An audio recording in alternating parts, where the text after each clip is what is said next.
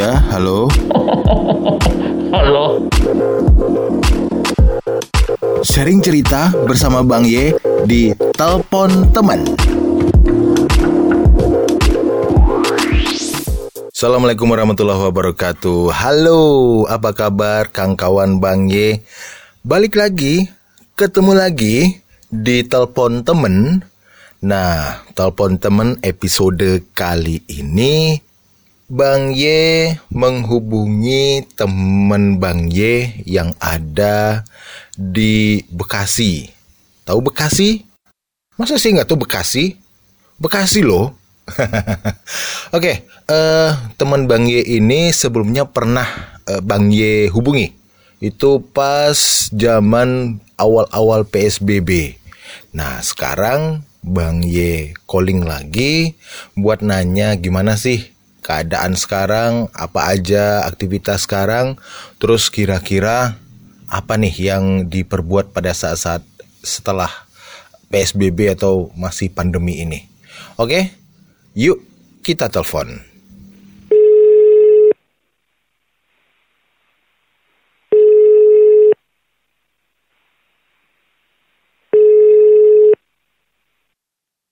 Halo.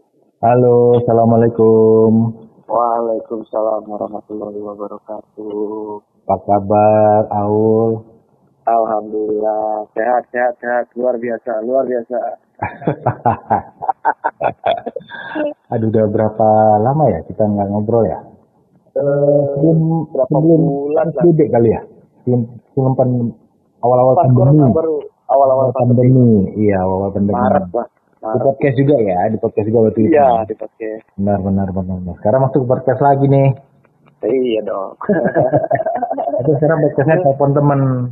oh yang ini baru nih ya bang ya? Eh lanjutan aja sih, Oh, cuma lanjutan segmennya aja. lebih lebih dibikin gimana gitu, lebih terstruktur lah gitu ya. Iya. Belajar dari senior seperti Aul gitu kan. Tapi udah beberapa sih udah sering karena kita kan memang pendengar setianya kan podcast Bang Ye kan. Iya benar, benar podcast Udah sering kami dengar. Merasa terhormat sekali ternyata diundang sama Bang Ye untuk ikuti podcastnya. Alah, terhormat biasa aja. Aul, Hmm. eh, terakhir Iya, kita kan ngomongin soal eh, PSBB di Bekasi ya. Betul bang. Nah, waktu itu kan Aul baru kelar atau baru ngerantau ya ke ke Jawa ya. Setelah lulus Iya belum ya. lama. Setelah lulus ya betul. Nah, Aul kan eh, sarjana hukum nih. Iya bang. Eh habis habis pengen tahu dong habis kelar eh, kuliah langsung dapat kerja apa enggak? Habis kelar kuliah dapat bang. Langsung dapat. Kerja. Langsung dapat kerja Dokter berarti ya. perusahaan kontraktor. Perusahaan kontraktor awalnya. Perusahaan kontraktor tapi bukan sebagai orang hukum. Nggak nyambung ya? Sebagian keuangan bang. Nggak nyambung ya? Nggak nyambung bang. Nggak Terus, nyambung. terus apa pengalaman barunya? Waktu Ya background hukum nih, tapi ternyata dapat kerja di awalnya tuh di bagian keuangan gitu.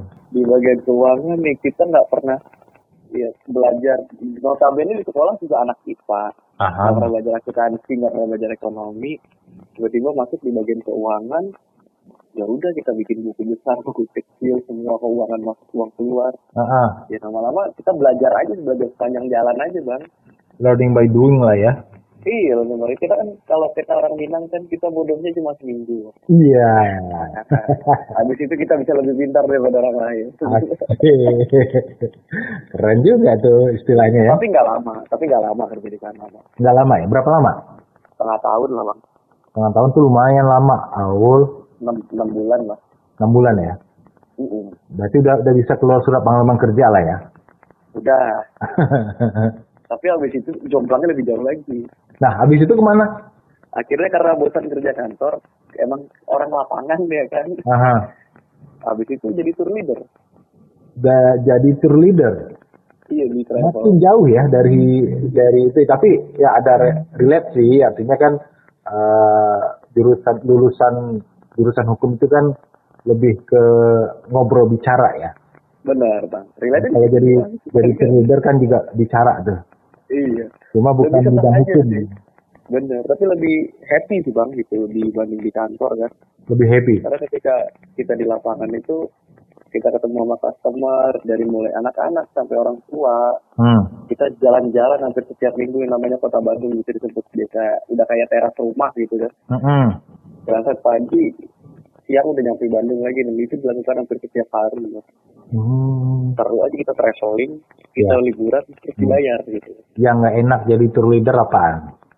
mau mau kata bang bersihin muntah anak orang Bersihin muntah anak orang ya. iya.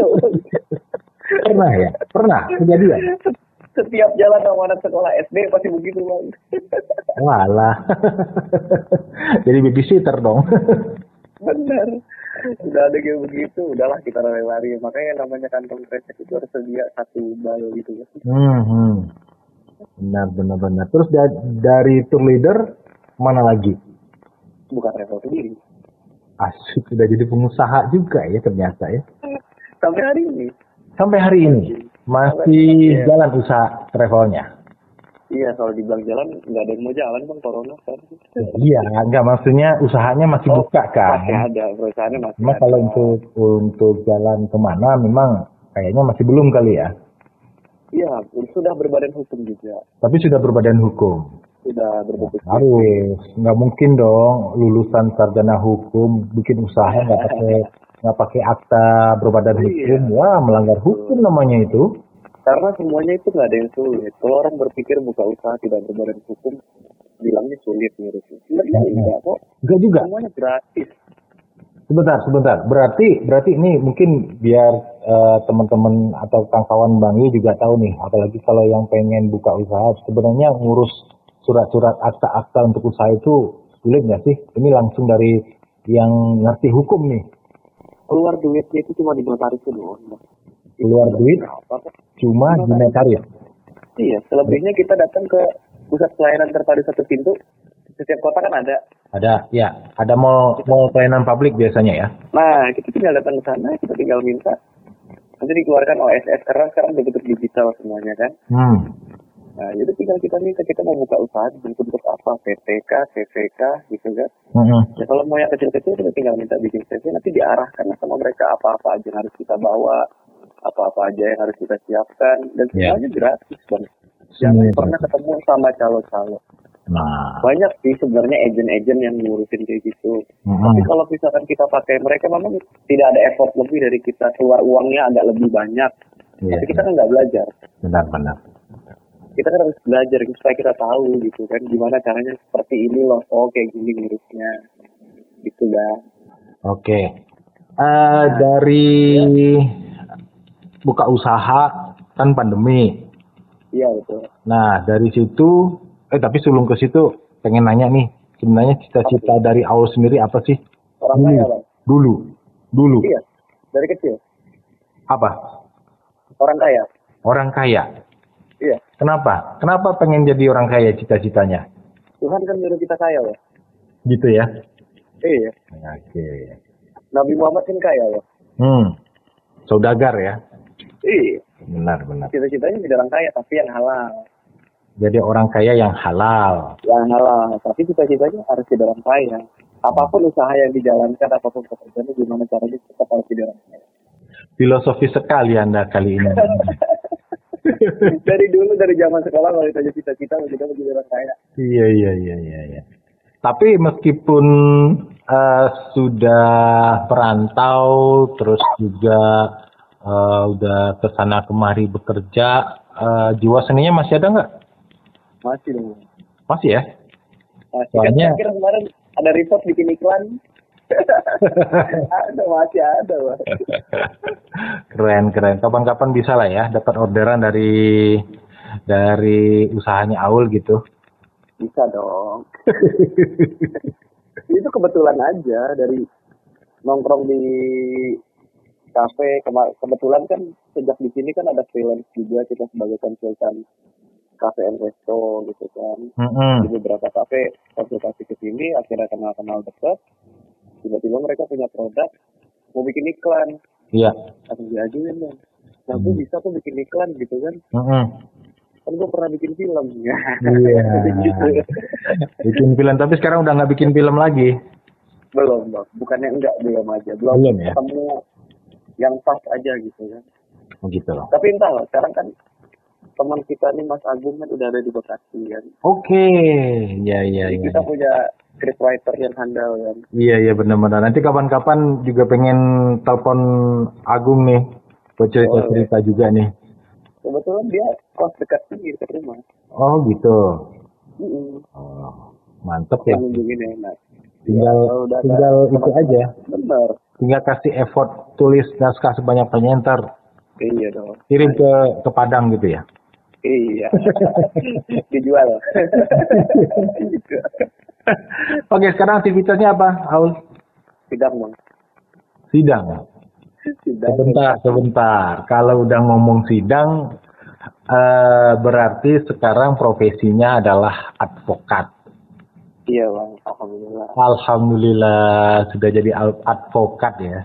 iya bang Advokat ya, bukan alvokat ya. bukan bang alpukat itu jenis buah-buahan bang Iya, iya. Kalau advokat itu jenis profesi ya. jenis profesi Pengacara ya? Berarti sama dengan pengacara enggak sih? sama bang pengacara Sama, itu ya? ya alpukat Sama ya? Sama. sama bang Oke, eh, susah nggak sih eh, dari lulusan sarjana hukum untuk menjadi seorang advokat itu? karena kita seniman nggak susah kok Kenapa? ya seniman itu kan kreatif Mhm. jadi pengacara itu harus kreatif tuh Oke, kalau nggak kreatif gitu tuh nggak bisa yang namanya lobby lobby orang oke, karena ketika kita beracara dari mulai kita ketemu klien dan lain-lain itu kita kayak bermain teater aja gitu. Mhm. Kita membuat suatu kondisi kita membuat satu situasi supaya menjadi satu pementasan ya acara tadi di persidangan Iya, iya. Nah, itu kan kalau Aul bilang yang kreatif nih, orang seni. Kalau dia nggak orang seni, gimana dong? Kan ada tuh, ada. Mungkin aja ada yang nggak terlalu nyeni banget gitu kan, artinya. nah Nah, tapi pengen banget juga jadi advokat. Ya bisa aja bang learning by doing tadi kita belajar di lapangan karena ilmu di lapangan itu nggak ada yang pernah kita pelajari di kampus Hmm. nggak begitu linear paling cuma sedikit teori-teorinya karena fakta di lapangan kadang berbeda Iya, iya. dengan apa kita pelajarin di dunia perkuliahan Hmm. Oke, yang yang paling yang paling uh, apa ya? Yang paling gregetan deh pas uh, ngehandle satu kasus baru-baru ini apa sih? kebetulan ada di Cianjur baru-baru ini masalah waris Oke. sengketa tanah lahan tanah Hmm. darat Aha. dengan pemerintah setempat dan beberapa perusahaan swasta yang mana ahli warisnya ada 173 orang Widih, banyak amat. dan membuat kuasa ya udah kuasanya harus ditandatangani oleh 173 orang Itu uh, harus dicari semua berarti kan? Betul bang Dapat. dapat dua bulan Dua bulan dua bulan buat ngedapetin 173 tanda tangan ahli waris. benar setiap minggu kita berangkat ke Cianjur Setiap minggu ya. iya Itu setiap setiap minggunya ada yang bikin kesel nggak? Eh, alhamdulillah sih sampai hari ini enggak bang Nggak ada ya. belum ada yang kesel sih Berarti lancar-lancar aja nih. Artinya setiap minggu ke Cianjur, terus ketemu sama beberapa orang langsung tanda tangan gitu. iya kadang ya ada sih yang keselnya udah jauh datang janjian soalnya orangnya nggak ada Oh iya iya iya. terus orangnya ternyata udah meninggal minggu kemarin Iya. yang meninggal itu yang repot bang Heeh. karena repotnya ketika dia meninggal berarti kan warisnya turun ke anaknya Iya. Nambah lagi Nambah lagi. kalau anaknya satu anaknya lima Sekarang kan juga lagi pandemi nih. iya bang Nah, eh, gimana sih?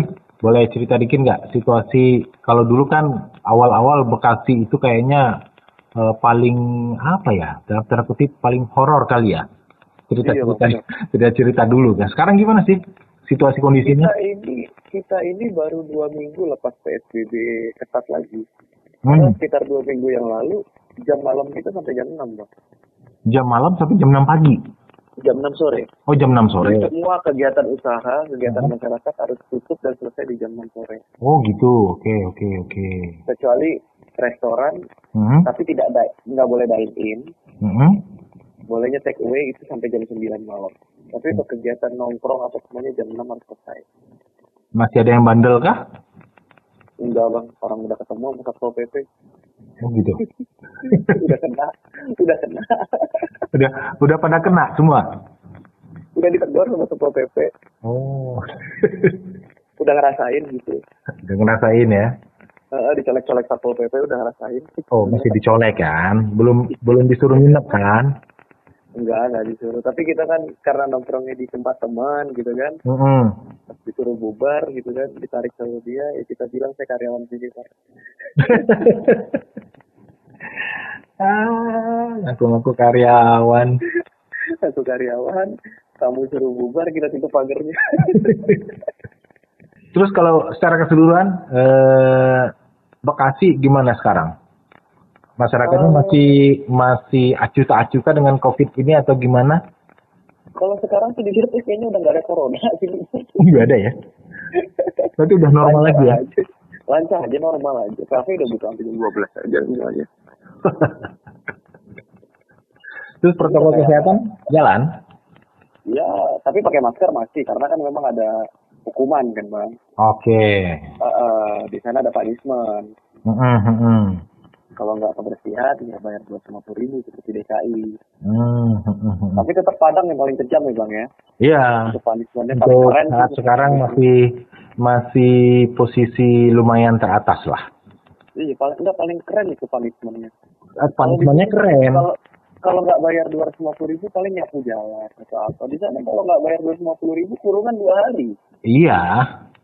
Itu benar-benar efek jerah yang paling bagus. Iya, benar. Secara secara logika sih paling bagus. Iya, secara logika ya, nggak tertulis ya. Nah, tapi secara lapangannya kan belum tentu juga. Penerapannya bagaimana dari apa? Penerapan, benar. Iya. Kalau semua elemen itu bisa uh, menjalankan dengan uh, SOP, ya bisa jadi itu bagus sebenarnya. Kita di PSBB dua minggu yang lalu ketat sekali bang. Benar-benar ketat. Kayak apa sih ketatnya? Kayak apa? Satpol PP itu jam setengah enam udah keliling. Hmm, Udah keliling ke kafe-kafe. Karena sebelumnya kan jam malam jam sembilan. ya. Yang jam sembilan malam itu juga jam setengah sembilan Satpol PP udah keliling. Mm-mm. Udah keliling ke kafe-kafe, satu kompi, datang, yang nggak pakai masker ditegur dulu, kalau nggak kalau nggak ada maskernya diangkat. Mm-mm. Jadi kalau misalnya masker ditaruh harus disuruh pakai dan kafe diperingatkan jam 9 harus tutup. Kalau nggak dia balik lagi. Oh, oke. Jadi jam setengah sembilan mereka warning, jam sembilan setengah sepuluh mereka jalan sekali lagi ke tempat yang sama. Mhm. Kalau masih ada yang bandel, salah satunya ada di Galaxy. Mhm. Ya kalau kita bahasa Indonesia kan namanya kafe hancur lah gitu kan. Iya, iya. kita samarkan namanya kan kafe hancur ya. kafe hancur itu disegel bang. Mhm. Karena di sana tidak ada protokol kesehatan sama sekali. Hmm. Duduknya nggak jarang-jarang, padat, rame, luar biasa. Mhm. Dan akhirnya disegel. Dan sekarang masih disegel? Masih. Masih. Masih. Berapa bulan kalau nggak salah itu disegelnya. Berapa? Ada beberapa bulan gitu. Oh, gitu. Jadi sedangkan ini baru bulan kemarin disegel. Mhm, mhm. Dan itu ya salah sendiri gitu maksudnya. Benar. Ya memang kita nggak bisa memungkiri banyak pengusaha di sini jatuh down gitu. Tapi yang kita ingetin sama teman-teman pengusaha di daerah sini sabar dulu. Mhm. Kita ngalah aja dulu. Karena namanya usaha pasti ada naik turun. Anggaplah ini lagi turun. Mhm. Tapi setelah itu kita sama-sama maju, sama berpacu lagi. Ya alhamdulillah setelah PSBB jam 6 selesai, sekarang udah dinormalkan lagi jamnya, Mhm. Mereka rame lagi, tapi tetap protokol kesehatan mereka jaga. Dari masuk harus cuci tangan, duduk kursi di jarak-jarakin. Terus Satpol PP-nya tetap eh, patroli? Karena mereka udah punya traumatik Satpol PP yang patroli, jadi Satpol PP tidak patroli pun sudah seperti itu. Oke. Mereka udah takut aja gitu lah. Mhm, mhm. Udah lebih, ya karena ada punishment-punishment untuk pengusaha kan yang lebih berat. Mas. Iya. ada punishment keluarga. Benar benar. Usaha bah- bahkan izinnya bisa dicabut. Hmm. makanya sih sekarang tapi kalau normal sih normal sih sekarang. Normal seperti ada- biasa ya seperti biasa orang kerja pada umum biasa. Hmm. tempat hiburan juga buka seperti biasa. Tapi untuk angka-angka covid sih masih gitu-gitu aja. Nggak ada penambahan kah? Info terakhir kita ngobrol di komplek tuh ada satu orang kan Satu dalam orang? klaster Satu orang klaster, ya, satu orang kan waktu itu terakhir kita ngobrol kan. Iya, benar, bulan benar. Maret. Ya bulan Maret. Sampai sampai dua bulan lalu terakhir 12 di dalam klaster ini. 12 iya. Itu di komplek satu Aur ya? meninggal. Satu meninggal. Itu di komplek Aur iya di dalam klaster tuh bukan di komplek gede jadi di dalam klaster ya oh jadikan klaster ya? Iya di dalam eh, apa sih namanya kalau perumahan itu ada klaster-klaster sendiri gitu kan ada Iya. blok-bloknya. Heeh. Nah, dalam satu blok ini total satu 12 orang, satu meninggal di situ. hmm. Makanya dua bulan lalu itu langsung lah wali kota Bekasi mengumumkan PSBB yang lumayan ketat Hmm, hmm, hmm. dan penerapannya tuh real gitu kan benar. memang memang di di apa memang diterapkan banget ya berarti Benar, Jabodetabek benar-benar diterapkan. hmm. Dari mulai DKI, terutama kota-kota penyangga kita kayak Depok, Tangerang, Bekasi. Bogor. Apalagi Bogor kemarin paling parah kan. iya benar yang mereka berbulan-bulan jam malam ini sampai jam 6 dan benar-benar jam 6 tuh nggak ada orang yang boleh keluar. wali kota Bogor aja kena kan masalah Iya wali kota Bogor positif kan. Tetap positif Iya, kan makanya. Nah, Di sini kita ketat. Ya, makanya ada teman-teman ini datang dari Padang kita tanya dulu udah rapid belum? mm-mm. Kalau belum rapid jangan datang ke rumah. Kalau udah hasilnya apa? Lihatin dulu hasilnya. nah ya harus kalau kayak gitu memang Iya, harus harus, seperti itu Karena kan dari jauh datangnya. Kita nggak tahu habis bertemu sama siapa dia. benar apalagi datangnya dari daerah yang Iya. lagi luar biasa banget kan Benar. Parah lah. Jadi kita sebenarnya ketemu berapa lama ya bang? Kira-kira bang? kalau ketemu eh 2018 pas terakhir. Maret Maret itu aja kita udah lama nggak ketemu kan Maret 2018 sih benar 2018 18. iya Habis itu kita nggak pernah tatap muka selain video call ya ya. benar benar Habis itu nggak pernah ketemu lagi. terakhir bikin film bareng juga itu pas 2017. ya 2017 17 bulan Juli kalau nggak salah. Mm-mm. udah lama banget berarti ya dua tahun lebih loh. dua tahun lebih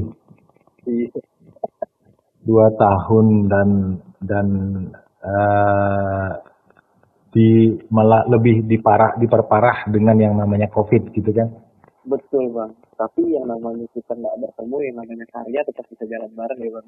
banget itu harus konten harus tetap ada Tetap harus ada. minimal kasih informasi dong Iya, jarak itu tidak menghentikan semuanya kok bang. benar benar Jadi aman semuanya.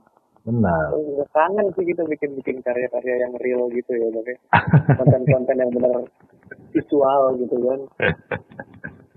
Udah lama banget. Makanya sempat-sempat kemarin udah nggak pernah nyentuh-nyentuh yang namanya sinematografi ya akhirnya kebetulan ya beberapa bulan lalu dapet gitu kan aha kebetulan aja walaupun cuma sekedar bikin iklan gitu kan. Iya. Eh, dan ya walaupun belum rilis rilis nih dia sama bosnya belum dirilis rilis sampai sekarang. Aku ngisi voice overnya juga. Oh gitu. Iya selain ke direct ah bikin script Iya. bikin voice overnya juga. Wah yes, keren. Kan belajar dari abang kan Iya. ya tapi jangan jangan semua diambil lah. Enggak enggak semuanya bang enggak semua. Sebagian ya 80 persen lah bang. 80. Persen ya kalau misalnya eh, dapat proyeknya video gitu kan ngedirect Iya. gitu kan PO-nya kasih ke ke teman-teman gitu kan. Iya nanti kalau ada lagi yang kayaknya bakal ada yang lebih besar lagi nih kan soalnya ceritanya udah nyebar-nyebar ke mana-mana Widih, amin, amin, mudah-mudahan kayaknya lancar. memang butuh VO yang lebih profesional Widih. keren, keren. Sukses lah kalau gitu.